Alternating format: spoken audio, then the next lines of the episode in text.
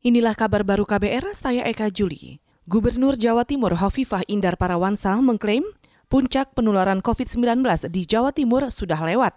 Hovifah menyebut berdasarkan data dan hasil analisis yang dimilikinya, penurunan penularan COVID-19 di Jawa Timur terjadi pada minggu ketiga Juli. Selain itu, Hovifah juga mengklaim jumlah warga yang sembuh dari COVID juga mengalami peningkatan yang signifikan di atas rata-rata nasional. Insya Allah, insya Allah puncaknya sudah terlewati. Insya Allah puncaknya sudah terlewati. Jadi kalau ini adalah pada minggu pertama dan kedua Juli, kemudian sudah mengalami penurunan di minggu ketiga. Penurunan selama seminggu ini sudah 33,4 persen. Kami berharap semua provinsi di Indonesia tidak ada second wave. Harapan kita jadi semua terus melandai, turun dan signifikan. Gubernur Jawa Timur Hovifah Indar Parawansa juga mengatakan, meski puncak penularan sudah lewat, namun jumlah kasus positif di Jawa Timur masih berada pada urutan tertinggi.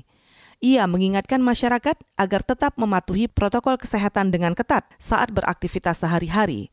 Hovifah juga mengatakan bakal melibatkan banyak tokoh terkenal hingga tokoh agama untuk mengedukasi masyarakat agar lebih memahami pencegahan COVID-19.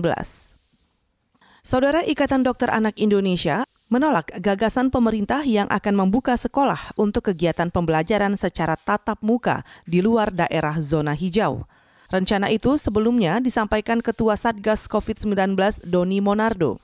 Sementara itu, Ketua Satgas COVID-19 Ikatan Dokter Anak Indonesia Yogi Prawira meminta pemerintah menimbang matang rencana itu. Ia khawatir jika sekolah dibuka secara tatap muka akan menimbulkan klaster baru COVID-19. Iya jelas kita menolak dengan tegas. Jadi gini, minggu lalu saya rapat dengan WHO, salah satunya disampaikan oleh WHO kalau angka kematian anak Indonesia itu tertinggi se Asia Pasifik dan it means something gitu. Jadi memang kita punya masalah dan itu yang harus dibereskan.